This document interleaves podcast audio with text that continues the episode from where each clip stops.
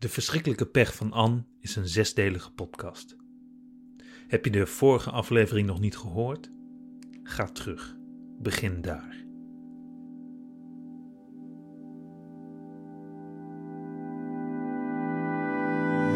Alles veranderde toen mama overleed.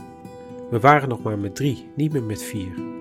Dat klinkt logisch, maar zoveel in ons leven en vooral ook heel praktisch in ons huis was ingericht op vier. Eén stoel en tafel was altijd leeg. Mama's stoel. Die was wel vaker leeg natuurlijk als ze moest rijden in het buitenland of zo, maar hij bleef leeg. En niemand van ons heeft die stoel ooit weg durven halen. Het was natuurlijk meer dan een lege stoel. Dat mama overleed, legde een sluier over ons leven. Langzaam wenden we een beetje aan haar afwezigheid, maar we konden maar moeilijk wennen aan dat ze er niet meer was. Iedereen heeft een moeder nodig. Zeker als je nog zo jong was als jij was. Of zoals wij waren. Het is één jaar na de feiten. Eén jaar na die avond die ons nationale trauma zou worden. Voorgoed in het collectieve geheugen gegrift. Of geramd eigenlijk. In deze zesdelige podcastserie vertellen we het verhaal van Anne. En op de achtergrond reconstrueren we nog één keer die avond. Let op, dit is geen true crime podcast. Hoe true de crime natuurlijk ook was. Dit is het verhaal van Anne.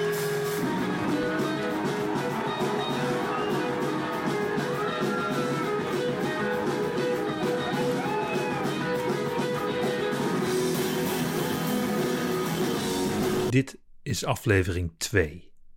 Broer. Voor jou, Anne, betekende dat mama stierf meer dan moedeloos worden. Levende moedeloos. Jouw rol veranderde. Misschien, zoals vaderloze jongens in één klap een gezinshoofd kunnen worden. Soms dan. Want in ons geval weet jij eigenlijk gezinshoofd. Jij was de vrouw in huis en twijfelde of je die rol moest pakken. Of eigenlijk, je twijfelde over wat die rol betekende. Stom traditioneel deed je meer en meer in het huishouden. En misschien voedde je mij ook een beetje op. Mij. Maar ook zeker papa. Onze uitgecheckte papa.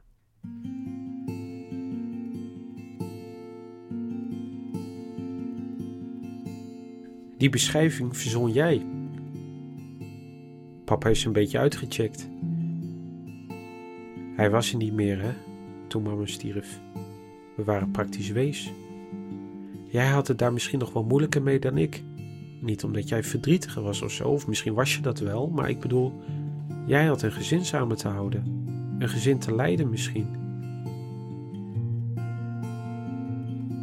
Pap deed het niet. En ik ook zeker niet. Ik keek van een afstandje, zoals ik altijd doe, met alles. Ik doe niet. Ik kijk.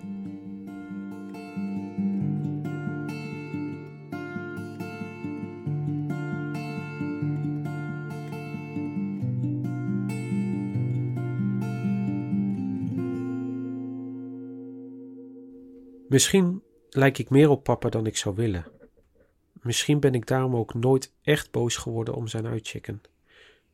Omdat ik niet durf uit te sluiten dat ik op eenzelfde manier omga met zo'n ramp. Ik vond niet dat hij op mams overlijden had moeten reageren zoals hij deed, door nog nauwelijks te reageren. Ook al is het echt vreselijk droevig. Als je nog twee kinderen hebt, daar kan je het beltje er niet bij neergooien. Maar toch begrijp ik het. Nou, nee, ik begrijp het niet. Ik kan het invoelen. Ik begrijp hoe het is om je leeg te voelen. Besluiteloos te zijn. Simpelweg omdat ik het ook meemaakte, meer dan eens. Bij mij was het kleiner dan bij pap, maar toch. Ik heb het ook meegemaakt dat je zo besluiteloos kan zijn dat iets voor je ogen voltrekt zonder dat je ook maar iets doet. Jij hebt me daar twee keer mee geconfronteerd, Anne. Dat maakte meer indruk op me dan ik ooit aan je toegaf. Twee keer noemde je me een psychopaat. Het was één woord en je bracht het met een lach, maar je vatte precies mijn angst samen.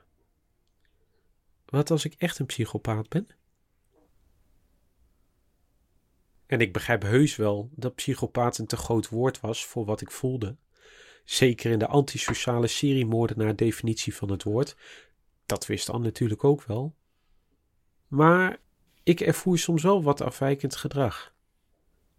Voelde me soms wel een soort van koud.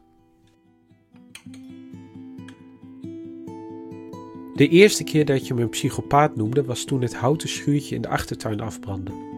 Ik had een brandje gesticht in de tuin. Niks echt spannends, een paar oude kranten en wat in de schuur gevonden hout. Ik weet niet eens meer waarom ik het vuurtje maakte, ik deed het wel vaker. Er ging een windvlaagje door de tuin. Ik zag hoe een brandende krant werd opgetild en tegen het hout van het schuurtje waaide. Het hout vatte niet direct vlam, dat duurde echt wel even. Ik had tijd genoeg om het op te lossen. Zelfs nog toen het eenmaal wel vlam vatte. Ik had nog prima een emmer water kunnen halen. Ook wel twee. Ik deed het niet. Ik keek gewoon. Ik zag hoe uiteindelijk de vlam om zich heen greep en hoe snel het vuur zich verspreidde toen het hout echt begon te branden. Je noemde me niet enigszins lachend, een psychopaat, omdat ik het schuurtje per ongeluk in de brand had gestoken. Maar omdat toen papa en mama druk bezig waren met het blussen, ik nog altijd stokstijf in de tuin stond. Mijn ogen gericht op de vlammen. Ik deed verder niets. Ik keek. De anekdote met de brandende schuur was niet de enige anekdote die Ans broer met me deelde. Het gesprek wat we samen opnamen voor deze podcast, en waar je dus net al een deel van hoorde, eh, was relatief kort, maar hij stuurde me later nog zoveel meer. Andere anekdotes, zeker, maar niet alleen dat. Twee dagen na de opnames viel er een dik pak op mijn deurmat. Krantenknipsels, artikelen, afbeeldingen, gedichten, dagboekflarden of overpeinzingen in ieder geval soms zorgvuldig geschreven op mooi papier. Vaker in kantlijnen of achterop wat dan ook voorhanden was op dat moment. Veel van het materiaal dat hij stuurde vond op een of andere manier al een thuis in het gesprek. Of diende voor mij als een soort researchmateriaal. Een paar andere dingen zal ik straks voorlezen. Omdat ze in het gesprek nog niet echt naar voren kwamen en Vooral omdat het helpt om meer te leren over hoe dit gezin, deze mensen in elkaar zitten. Over één thema vond ik veel artikelen. Ze waren netjes aaneengehecht, een, een bundel bijna. Een boeket van artikelen over de verschillende manieren waarop je of waarop mensen kunnen reageren in een bedreigende situatie. Om de bundeling samen te vatten, er zijn drie opties vechten, vluchten of bevriezen. Toen ik er voor het eerst doorheen bladerde, dacht ik dat het over Anne ging. Over de bedreigende situatie die zij mee heeft moeten maken. Maar toen ik beter begon te lezen, beter lette op de kleine kruisjes die Ans broer plaatste in de kantlijn, begon ik me te realiseren dat het niet over Anne ging. Deze provisorische bundel was zelfonderzoek. Hij had onderzoek gedaan naar gedrag in bedreigende situaties om zichzelf beter te begrijpen. En had zich herkend. En inderdaad, zoals hij zichzelf aan mij beschrijft, past volledig in dit plaatje.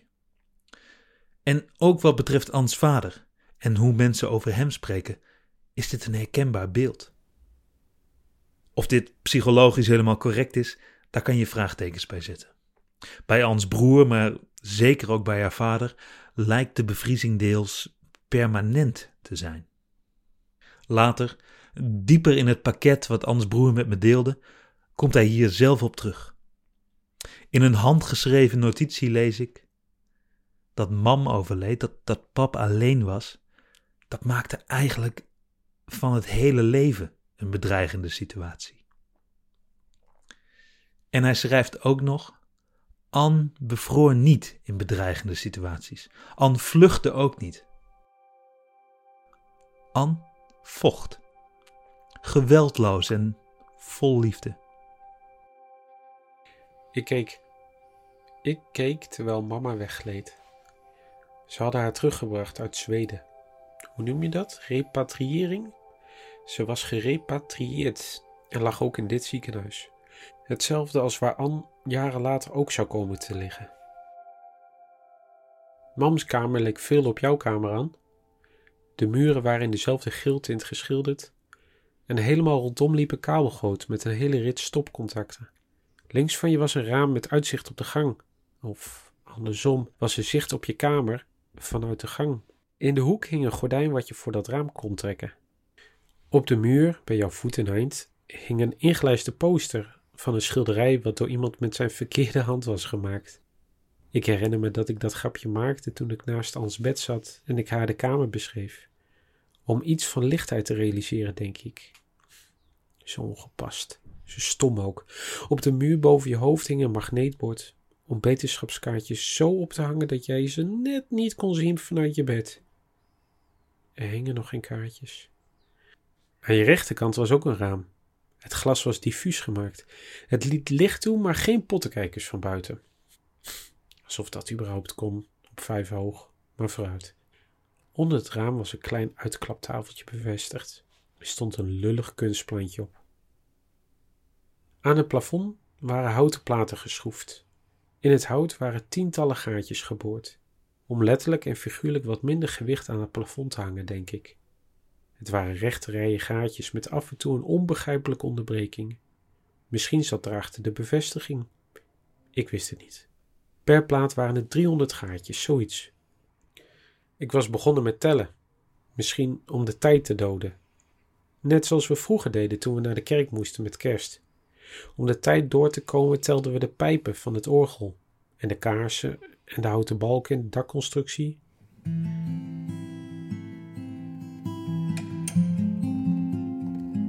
Naast Ans bed telde ik niet om de tijd te doden. Ik weet niet waarom ik dat zei. Ik telde niet om iets te doen te hebben en daarmee de tijd te versnellen. Ik telde om uit te stellen dat ik tegen je moest praten. Over wat er aan de hand is. Over wat er gebeurde. Ik telde gaatjes omdat het een taakje was waarmee ik me kon afleiden van waar ik eigenlijk bang voor was. Ik vond het niet eng om tegen je te praten.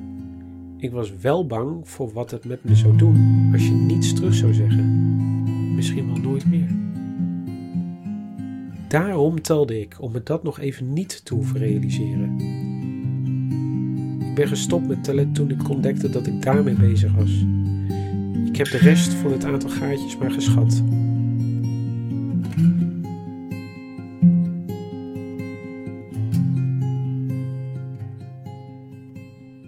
Mama lag doodstil in haar ziekenhuisbed.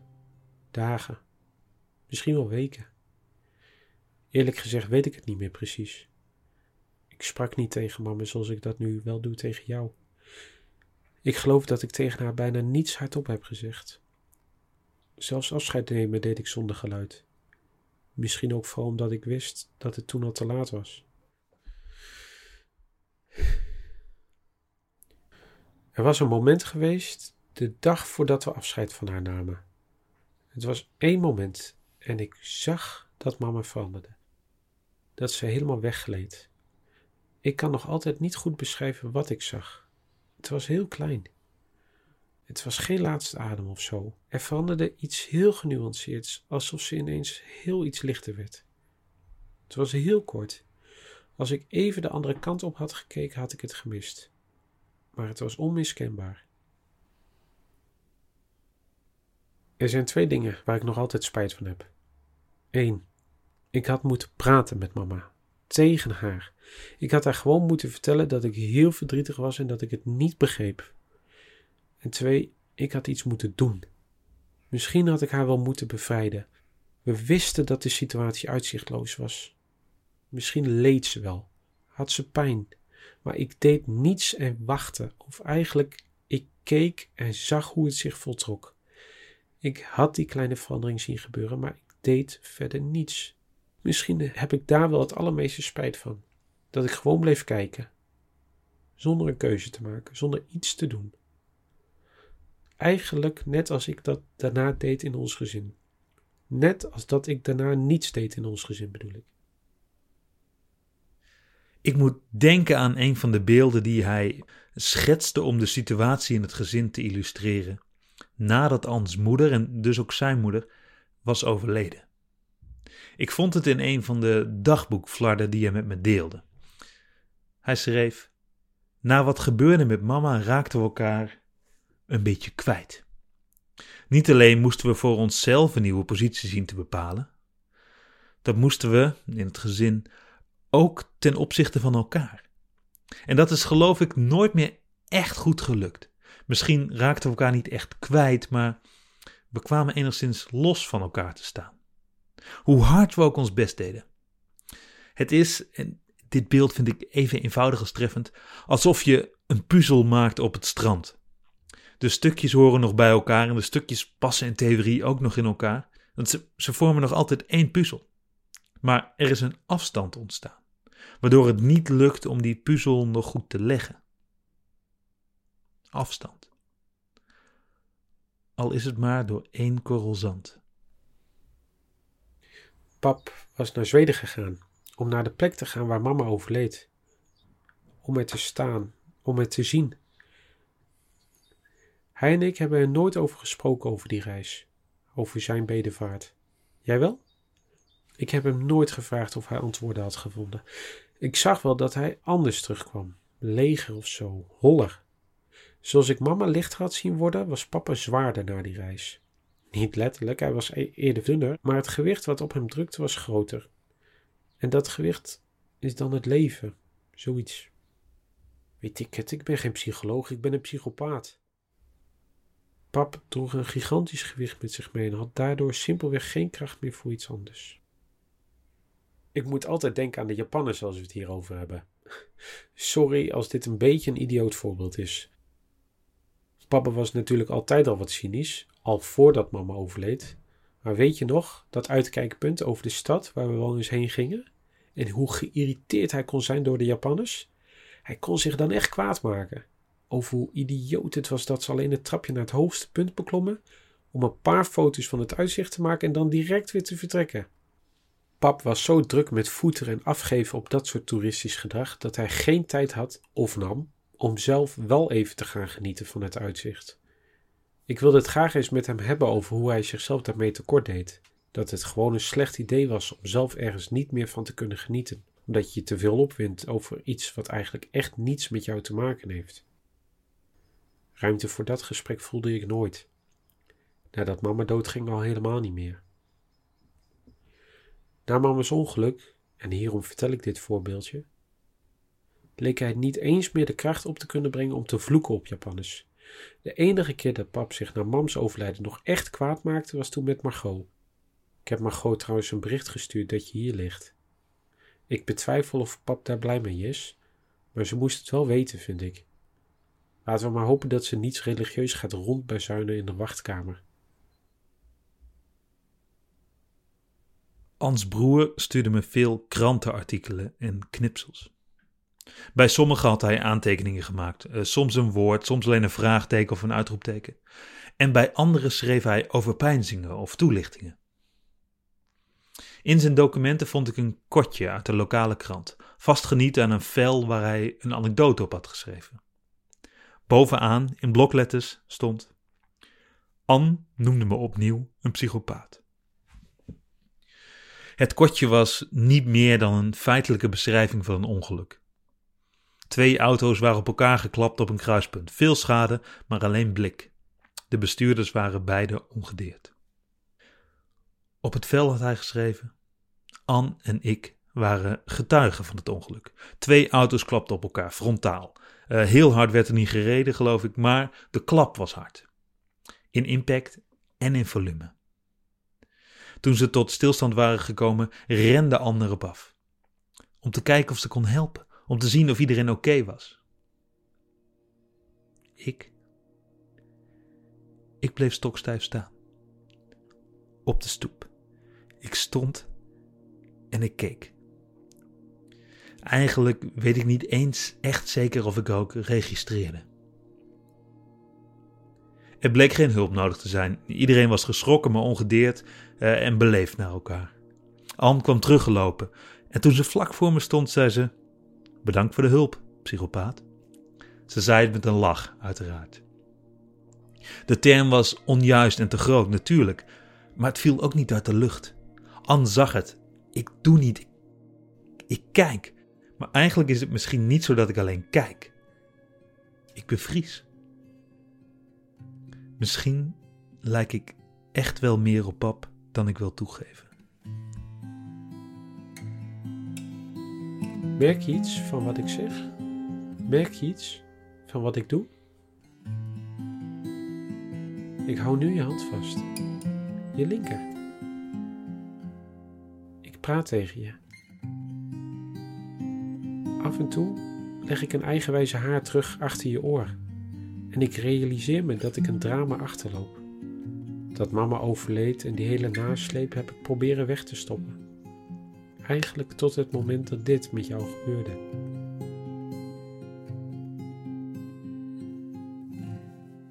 Ik probeerde door te gaan, door maar gewoon door te gaan. Dat kon niet meer toen jouw drama daaroverheen kwam. Aan je bed merkte ik dat ik nog dingen over mama uit de weg moest ruimen voor ik klaar was voor jouw drama. schuldgevoel. Jezus, wat wil ik nou eigenlijk zeggen? Direct vanaf het begin, direct nadat mama overleed, had ik een hoeksteen moeten zijn. Ik had een rol moeten nemen. Ik. Maar jij deed het. Omdat ik het niet deed, omdat niemand het deed. En ik zag hoe ongelukkig je daar een tijd lang mee was. En ik heb dat laten gebeuren. En dat spijt me, zusje. En het spijt me dat ik daar nooit sorry voor heb gezegd. De manier waarop hij zusje zegt, dat hij zusje zegt. Soms vergeet ik het gewicht van wat er gebeurde binnen dat gezin. Wat ze mee hebben moeten maken. En door dat woord, zusje, realiseer ik me weer even welk verhaal ik probeer te vertellen. Ik moet denken aan een gedicht wat Ans broer me stuurde. Een geschenk heet het. Het is van Toontelligen. De eerste paar zinnen waren gearseerd. En die zinnen gaan zo. Ze trokken God aan zijn mouw. Dat geschenk van je, de liefde. Wat was daar je bedoeling van? En Ans broer schrijft in een kantlijn: Wat was daar de bedoeling van? Want mij brengt het vooral heel veel verdriet. En die paar zinnen in de kantlijn raken me zo. Stel het je toch eens voor. Eerst je moeder. En dan zo'n ramp met je zusje. Ik zag dat je de laatste maanden anders was. Je leek opgefleurd. Ineens eigenlijk. Van de ene dag op de andere. Was er iets gebeurd? Had je een besluit genomen? Was je verliefd? Je was anders. Gelukkiger. Eindelijk zou ik willen zeggen, maar ik schaam me er ook een beetje voor om dat te zeggen. Alsof het wel eens tijd werd. Ik schaam me omdat ik nooit echt iets deed om jouw leven te vereenvoudigen of je überhaupt vertelde dat je ook aan jezelf mocht denken. Dat je gelukkig mocht zijn. Uiteindelijk had je mij of mijn toestemming daar niet voor nodig. Zelfs voor niets. Ik had jou nodig, als zusje, en misschien ook wel in die moederrol die je had aangenomen. Nou ja, weet ik het.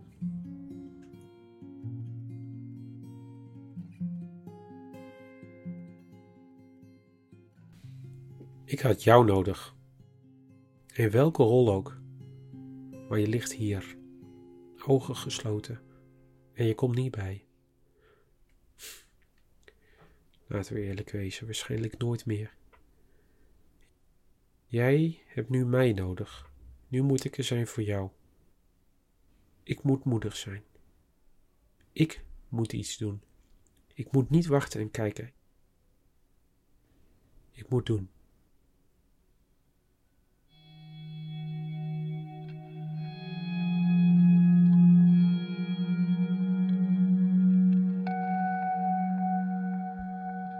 Dank. Over twee weken aflevering 3. Margot. Onze vriendschap had voor mij een soort onvoorwaardelijkheid. Vriendschap ondanks alles misschien. Ondanks onze verschillen. En misschien bewees onze vriendschap dat je over fundamentele zaken echt anders kan denken. En tegelijkertijd helemaal niet zoveel van elkaar verschilt. Meer over de verschrikkelijke pech van Anne, zoals directe links, achtergronden en contact, vind je op deverschrikkelijkepechvananne.nl. Volgen via sociale media kan natuurlijk ook. Zoek de verschrikkelijke pech van Anne via Instagram en Facebook.